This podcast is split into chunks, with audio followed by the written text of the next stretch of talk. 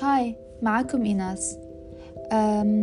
أنا عملت هذا البودكاست لأسباب كتيرة بس أهمها إنه أنشر شيء اسمه الوعي الفكري وأنشر شيء اسمه التفكير الإيجابي والطاقة الإيجابية. وأعلمكم كيف تستغلوا الطاقة الإيجابية في آه، تحقيق أحلامكم. آه، ممكن حلم يومي أو حلم آه، عمري. عليكم بس تطبقوا النصايح اللي راح أحكيها.